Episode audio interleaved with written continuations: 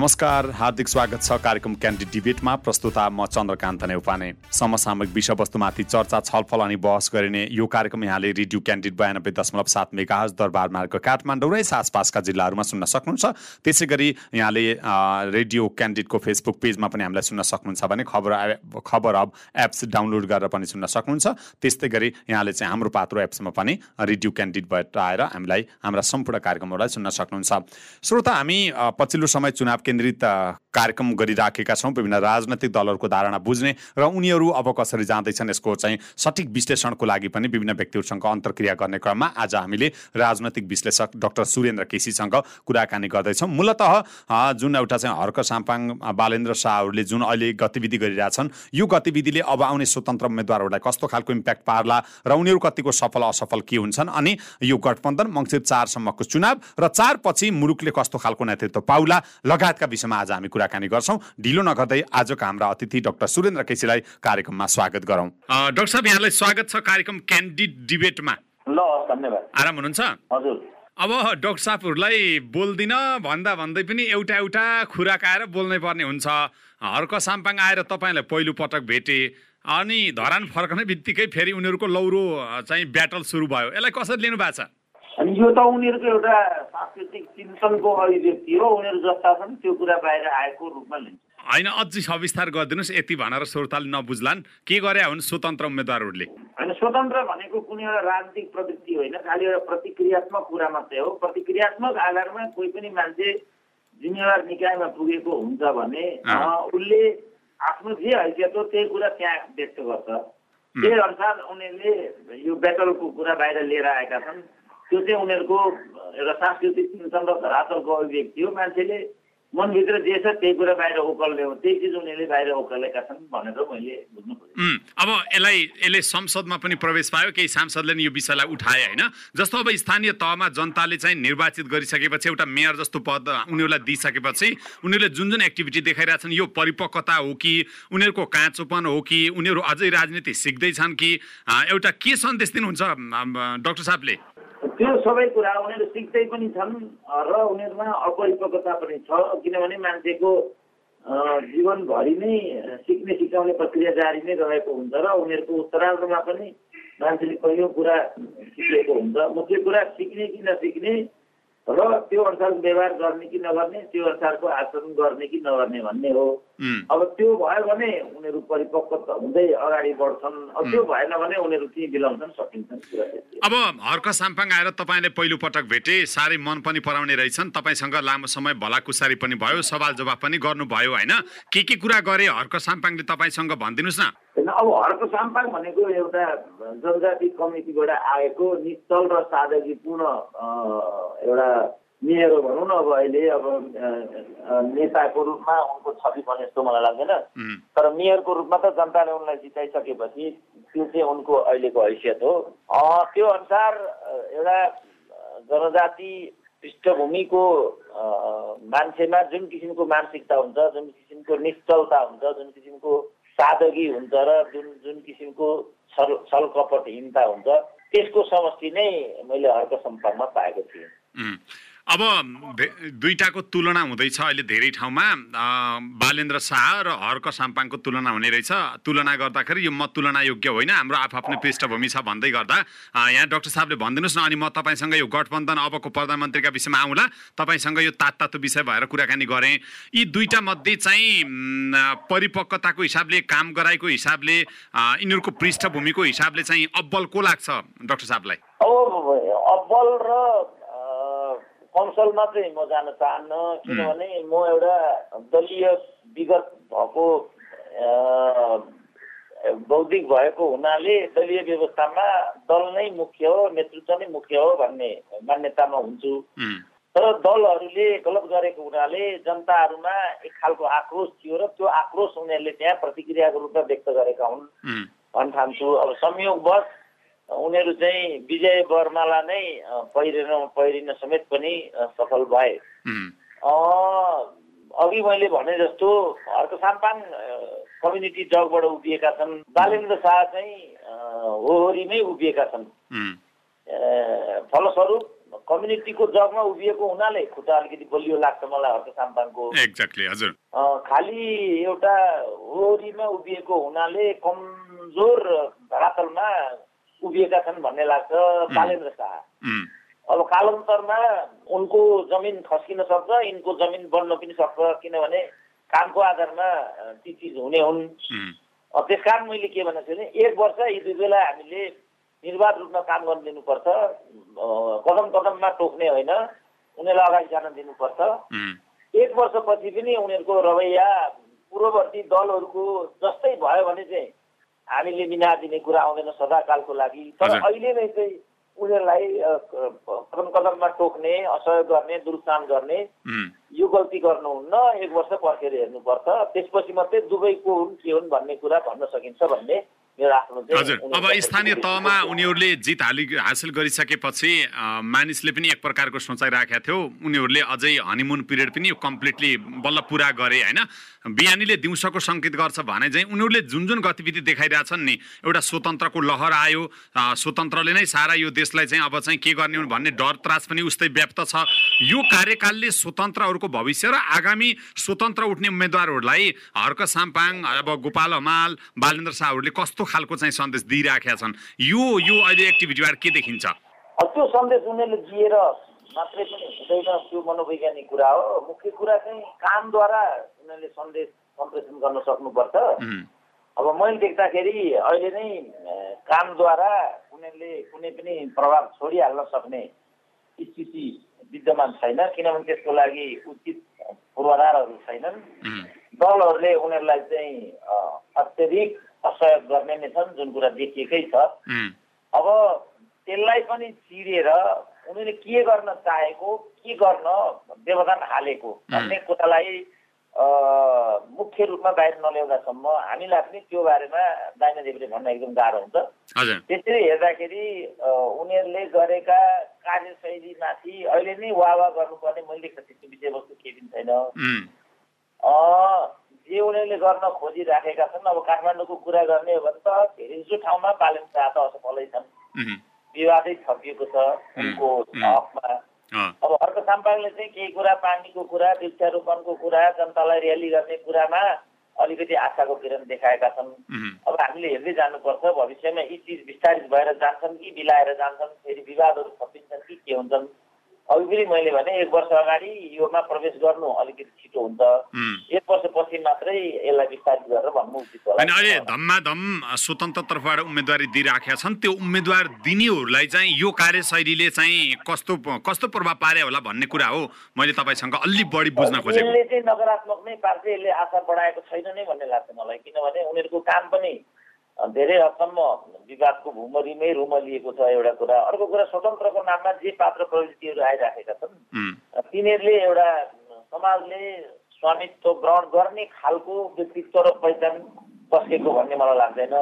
त्यस कारण उनीहरूले तिनवटा काम गर्नुपर्छ भनेको छु मैले। पहिलो चाहिँ उनीहरूले वैचारिक र सैद्धान्तिक जो अवधारणा हो त्यो प्रश्न पार्नुपर्छ।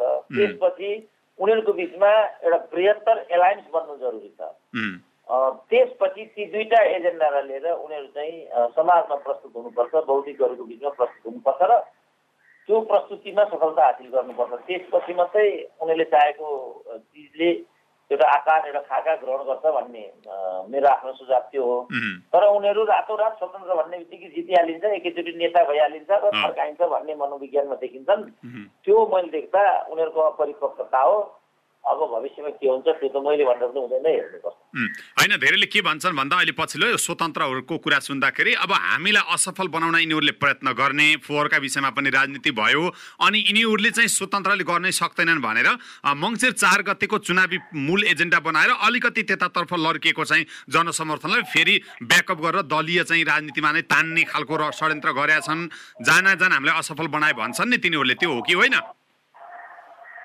अब त्यो हो भने राजनीतिमा त्यो त स्वस्थ एउटा चुनौतीको कुरा भयो। त्यो सब कुरालाई व्यवस्थापन गरेरै अगाडि जानुपर्छ। राजनीतिमा त कसैले पनि फुलको गुच्छा त बिछ्याइदिँदैन त्यो त काँडै काँडाले भरिएको हुन्छ। त्यो हो भने पनि त्यो अनौठो होइन। अब होइन भने त त्यो काल्पनिक कुरा मात्रै हुन्छ। त्यस कारण त्यसलाई चाहिँ मैले त्यत्रो विषय नै ठानेको छैन। अब यसमा जोडिएर रवि लामी छाने पनि आए यी बालेन्द्र र हर्कहरू अलिकति परिपक्वताको कमी देखियो भन्दै गर्दा रविले जुन एउटा चाहिँ देश दौडा चलाए कहिले चाहिँ सङ्घीयता खारेज गरौँ भन्छन् कहिले मुख्यमन्त्री चाहियो फेरि प्रदेश चाहिन्न भन्छन् यो सारा एक्टिभिटी यो एक दुई महिनाको रवि लामी छानेको एक्टिभिटी हेर्दा उनी कतिको पाको राजनीति गर्ने पात्र ठान्नु भयो यहाँले? उनको त राजनीति विगत जस्तो मलाई लाग्दैन। राजनीतिक रूपमा उनी सक्रिय भएको पनि मलाई थाहा छैन। अब रविन्द्र मिश्र पनि हाम्रो अगाडि दृष्टान्त छन्। किनभने राजनीति एउटा कुरा हो व्यावसायिकता अर्कै कुरा हो। एक्स्ट्रा अर्डिनरीली नै ब्रिलियन्ट भइयो भने मात्रै यी सब चुनौतीहरूलाई सजिलै पार लगाउन सकिन्छ। होइन भने यो राजनीतिको अखडा आफै पनि चुनौतीपूर्ण छ र त्यो चुनौतीको अखडामा यी खालका विषयहरू आउनु अस्वाभाविक होइन। त्यसमा हामी उत्साहित हुने जुन मनोविज्ञान हो हामीले बालन शाहमा पनि बढी उत्साह भर्यौँ घरको साङपाङमा त्यही गऱ्यौँ र त्योभन्दा बढी रवि लामी छानेमा गर्छौँ भने त्यो उनीहरूको कमजोरी होइन हामीहरूको कमजोरी हो। हामीले पनि सन्तुलित र संयमित भएर व्यक्तित्वलाई हेर्नुपर्छ र यस खालका राजनीतिक हावभावहरूलाई पनि बुझ्नुपर्छ। उत्साहित भएर हौसिएर जथाभावी भन्दै अपेक्षा गर्दै अनि निराश भएँ भनेर खाली पिट्दै त्यो हाम्रो पनि कमजोरी हो त्यस्तो कमजोरी मैले हामीले पनि गर्नु जुन जनलहर देखिया छ नि डाक्टर साहब त्यो जनलहर देख्दाखेरि आम राजनैतिक दलहरूले त्यसलाई चाहिँ सामान्य रूपमा लिने त्यसलाई हेक्का नराख्ने गर्न स्वाभाविक छ कि यो जुन एउटा रविप्रतिको अर्थात् स्वतन्त्रप्रतिको लहरले उनीहरूलाई एउटा धक्का दिइरहेछ उनीहरूले त्यसको महसुस गरिरहेको छैनन्। गरिराखेनन् भने यो तिनीहरूको लागि प्रत्युत्पादक हुन्छ कि हुँदैन राजनैतिक दलहरूको लागि? त्यो हुनसक्छ तर अब जनता कहाँसम्म जान्छन्? जसलाई अहिले तपाईँले लहर भन्नुभएको छ त्यो लहर हो कि खालि एउटा झोक्का मात्रै हो? हावाको झोक्का समुद्रमा आएको तुफानी झोक्काले पनि कहिलेकाहीँ ठुल्ठुलो दुर्घटनाहरू त्यहाँ गराउँछ। तर त्यतिमै समुद्रले आफ्नो आकार परिवर्तन गर्छ भन्ने हुँदैन। क्षति त पारि नै सकेको हुन्छ सुनामीले। त्यसो भएको हुनाले जे आएको छ यो एउटा झोका मात्रै हो कि यो एउटा हठात प्रतिक्रिया मात्रै हो? वा यसले चाहिँ पछिसम्म एउटा राजनीतिको कोर्स नै बदल्ने काम गर्छ। के गर्छ? त्यो चाहिँ अब प्रादेशिक निर्वाचन आउँदैछ सङ्घीय निर्वाचन पनि सँगसँगै हुँदैछ। त्यहाँ पनि यही खालको लहर आयो भने अनि त्यसले मात्रै तात्विक रूपमा फरक पार्छ भन्ने मलाई लाग्छ। होइन र त्यो त्यतिकै सेलाएर गयो भने त यो आउँछ जान्छ पानी फोका जस्तो फुट्छ सिद्धिन्छ। के हुन्छ मक्तिसम्म त पर्खिनै पर्छ अब मतपेटिकामा त्यो जनलहर प्रकट होला नहोला आफ्नो ठाउँमा छ तर जुन खालको एउटा चाहिँ त्यो देखिन्छ नि यसले गर्दा यी राजनीतिक दलहरूले मुलुकप्रति गद्दारी गरे बेइमानी गरे भ्रष्टाचार बढाए अन्याय अत्याचार दुराचार भ्रष्टाचारको चाहिँ जालो फिजियो भन्ने अर्थ हो कि के हो यो? प्रतिक्रिया हो त्यसको जे नाम दिउँ अब राष्ट्रघात भनौँ भ्रष्टाचार भनौँ नातावाद कृपावाद भनौँ वंशवाद भनौँ के भनौँ। तर त्यो प्रतिक्रिया हो त्यसको समष्टि भने पनि भयो।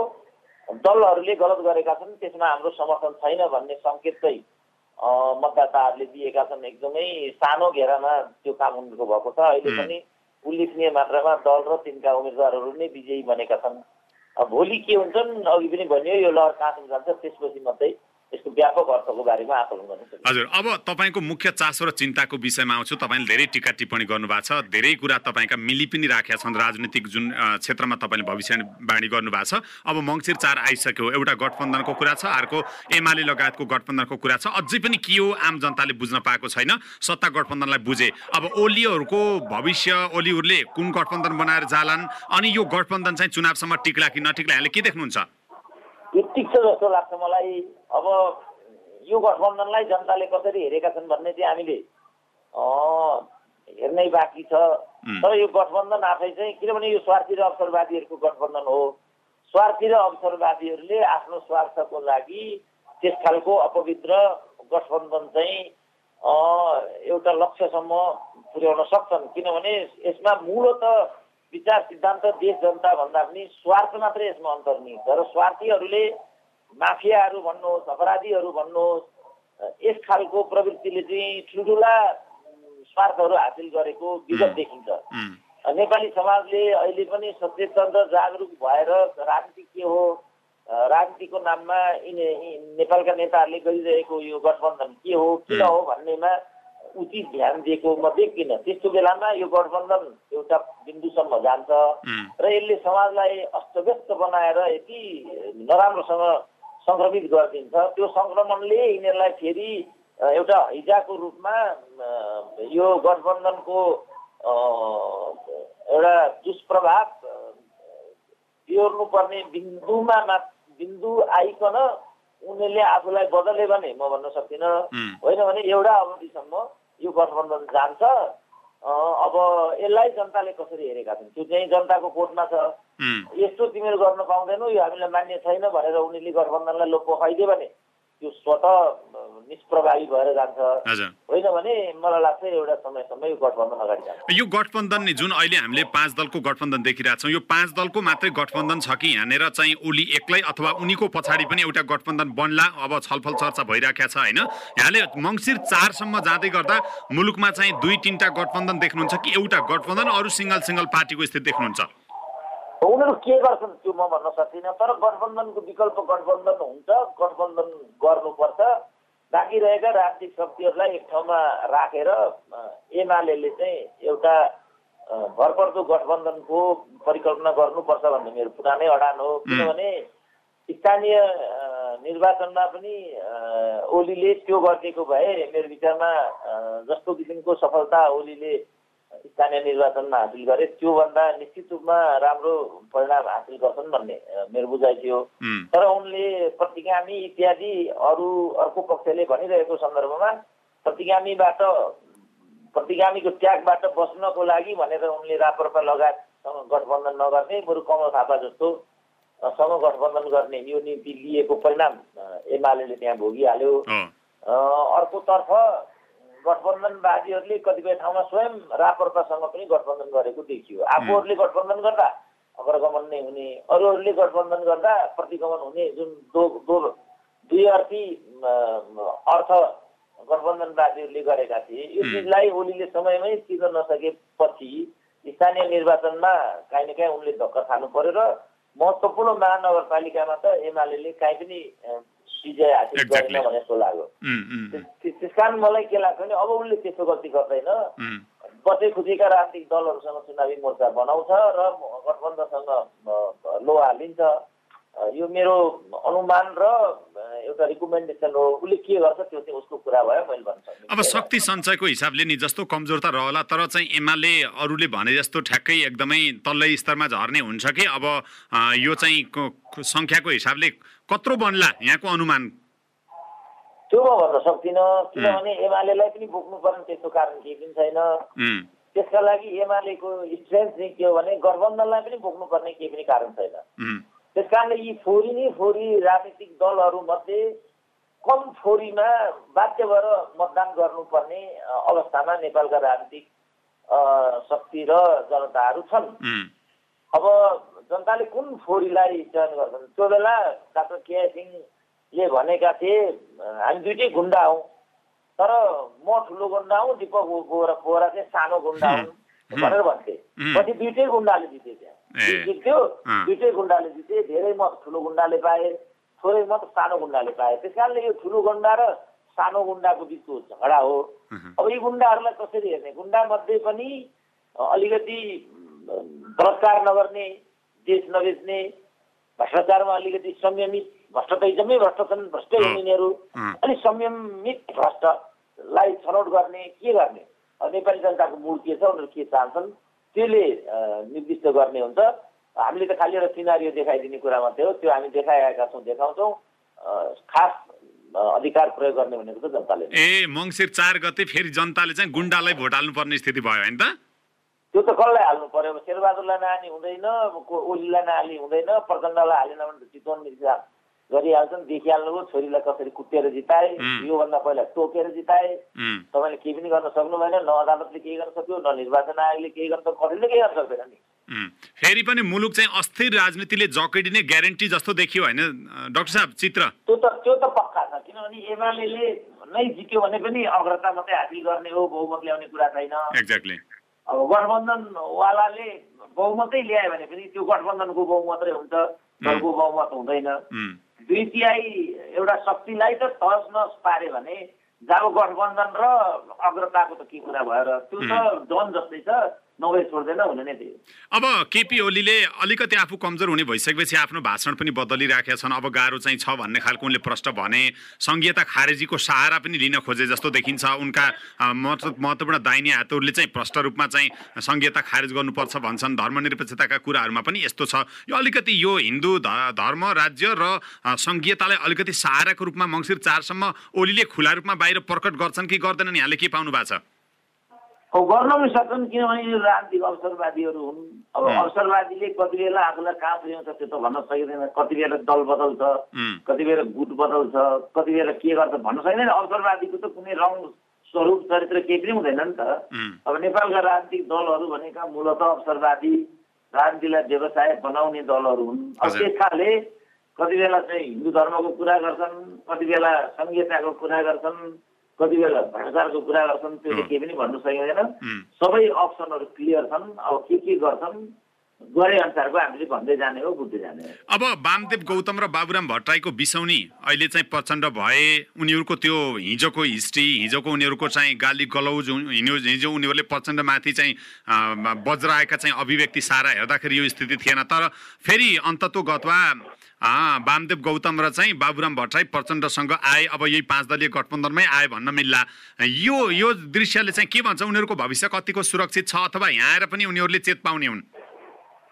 त्यो त जनताको हातमा छ किनभने यिनीहरू अवसरवादीहरू हुन्। यिनीहरूले चुनावको लागि त्यो गरेको हो। अब यो अवसरवादको एउटा नाङ्गो रूप हो। त्यस कारण यी अवसरवादीहरूलाई नेपालको राजनीतिमा सदाकाल फडा फिजाइरहन दिनुभन्दा यिनीहरूको ढाड बाँच्नु नै उचित हुन्छ भनेर नेपाली जनताले सही निर्णय गरे भने यिनीहरू ठाउँको ठाउँ घक्लाक भइहाल्छन्। अब मात्रै हालेर पठाउँछौँ भने त हामीले भनेर भएन उनीहरूको छनौट हो। हामीले यसमा केही गर्न सक्ने भन्ने कुरा केही पनि रहँदैन। त्यस कारण यो सबै कुरा के हुने वामदेवको के हुने अर्को बाबुरामको के हुने भन्ने कुरा अब नेपाली जनताको हातमा छ। उनीहरूले यिनीहरूको भूमिका अनुसारको निर्णय लिन सक्दा नै उनीहरू के हुने के नहुने भन्ने कुरा। अब उनीहरूले आफूलाई बलियो बनाउने एउटा चाहिँ अस्त्रको रूपमा यो हिँडेका छन् कि अझै पनि एकचोटि बाबुराम भट्टराई र वामदेव गौतममा प्रधानमन्त्रीको हुटुटी छ। अत अब राष्ट्रिय सभाबाट जानु भनेको प्रधानमन्त्रीको एउटा र्याल पनि होला वामदेवको। यो छ कि उनीहरूको पार्टी नै बलियो बनाउँछौँ दुई चार सिट अलि ल्याएर सदनमा अलि बाक्लो उपस्थिति गराउँछौँ भन्ने स्वार्थ छ। बाबुराम त आफू उठ्दै नउठ्ने छोरीलाई अगाडि बनाउने मूल रचना अरे भनेर मैले सुनेको छु। यी त छोरीवादी सैनिकवादीहरू हुन्। यिनीहरूले चाहिँ सम्झी सम्झी अड्कली अड्कली राजनीतिलाई आफ्नो पूर्तमा पार्ने यो गर्छन्। अब वामदेवको पनि मलाई लाग्छ अहिले पनि श्रीमती हाउसमै होलिन्। अप्पर हाउसमै छन् यिनीहरू। यिनीहरू त एको लज्जा त्याग्छन् सर्वत्र विजयी भए त नाङ्गा बाबा भन्नुभएको यिनीहरू त। नाङ्गा बाबाले पशुपतिमा उत्तानो टाङ लाएर गोप्य अङ्ग प्रदर्शन गरेको कुरा के विषयवस्तु हुन्छ र त्यो विषयवस्तु हुँदैन बनाउनु हुँदैन हामीले। यस्ता फोरीहरूको मैले त धेरै चर्चा पनि गर्नु उचित हुँदैन। अब अन्तिममा ठ्याक्कै डाक्टर साहब अब प्रधानमन्त्री को बन्छ भन्ने कुरा पनि छ। काङ्ग्रेसबाट को बन्ला अथवा अरूबाट को बन्ला भन्ने छ।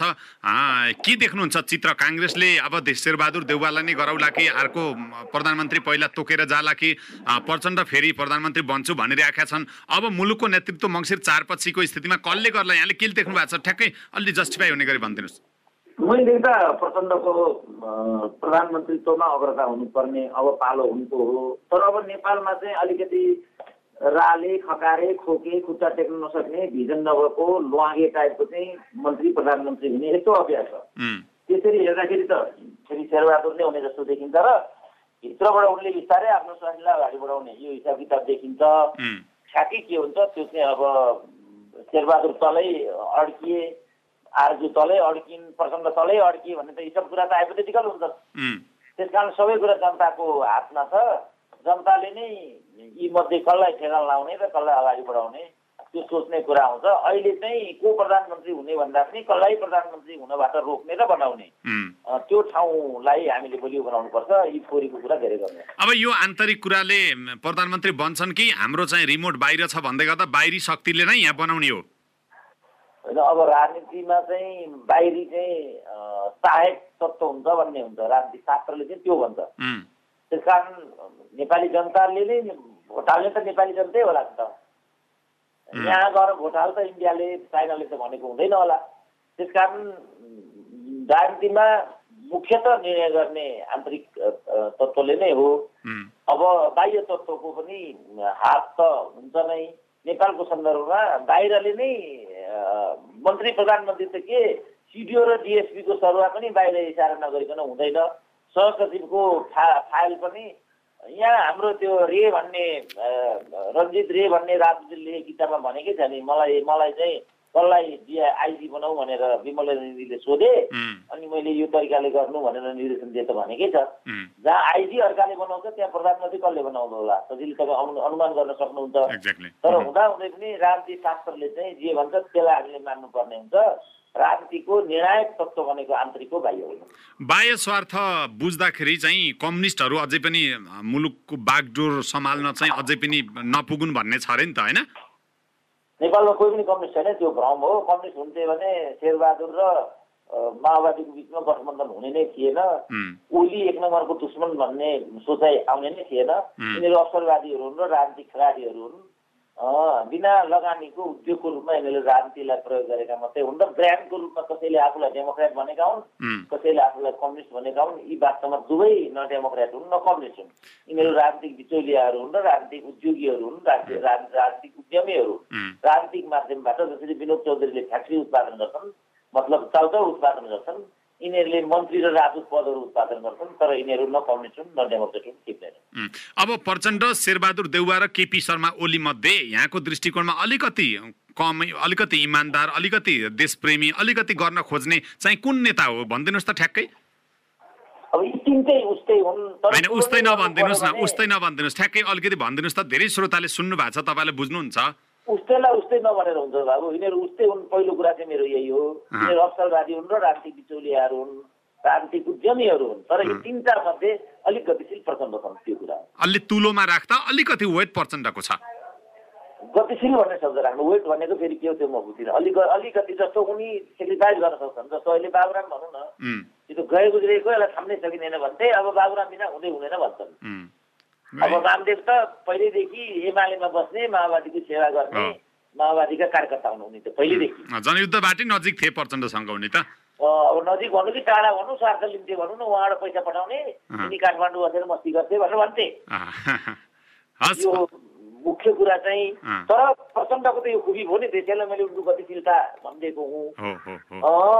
तिनजनाको तुलना गर्दा अलिक गतिशील म प्रचण्डलाई पाउँछु भन्ने तर्क चाहिँ त्यो हस् डाक्टर साहब धेरै धेरै धन्यवाद यहाँको महत्त्वपूर्ण समयको लागि। ल धन्यवाद। श्रोता यतिखेर हामीसँग कुराकानी गर्दै हुनुहुन्थ्यो राजनैतिक विश्लेषक डाक्टर सुरेन्द्र केसी। हामी उहाँसँग अहिलेको स्वतन्त्र अभियान बालेन शाह र हर्क साम्पाङको जुन एउटा लौरो ब्याटल छ यो कस्तो खालको ब्याटल हो? अनि समग्र रूपमा अहिलेको मङ्सिर चार गतेसम्म चाहिँ यो गठबन्धनको भविष्य कस्तो होला कसरी जान्छ अबको राजनीति? मङ्सिर चारपछि मुलुकले कस्तो नेतृत्व पाउँछ? लगायतका विषयमा कुराकानी गऱ्यौँ। आजको कार्यक्रमलाई कस्तो लाग्यो? सुझाव सल्लाह र प्रतिक्रिया दिन नभुल्नुहोला। यतिन्जेल रेडियो सुन्नुभएकोमा यहाँलाई धन्यवाद र धन्यवाद। प्राविधिक मित्र गणेश श्रेष्ठलाई पनि आजको आजको लागि कार्यक्रम क्यान्डिड डिबेटबाट प्रस्तुता चन्द्रकान्त नेउपाने पनि विदा भए। नमस्कार रेडियो सुन्दै रहनुहोला।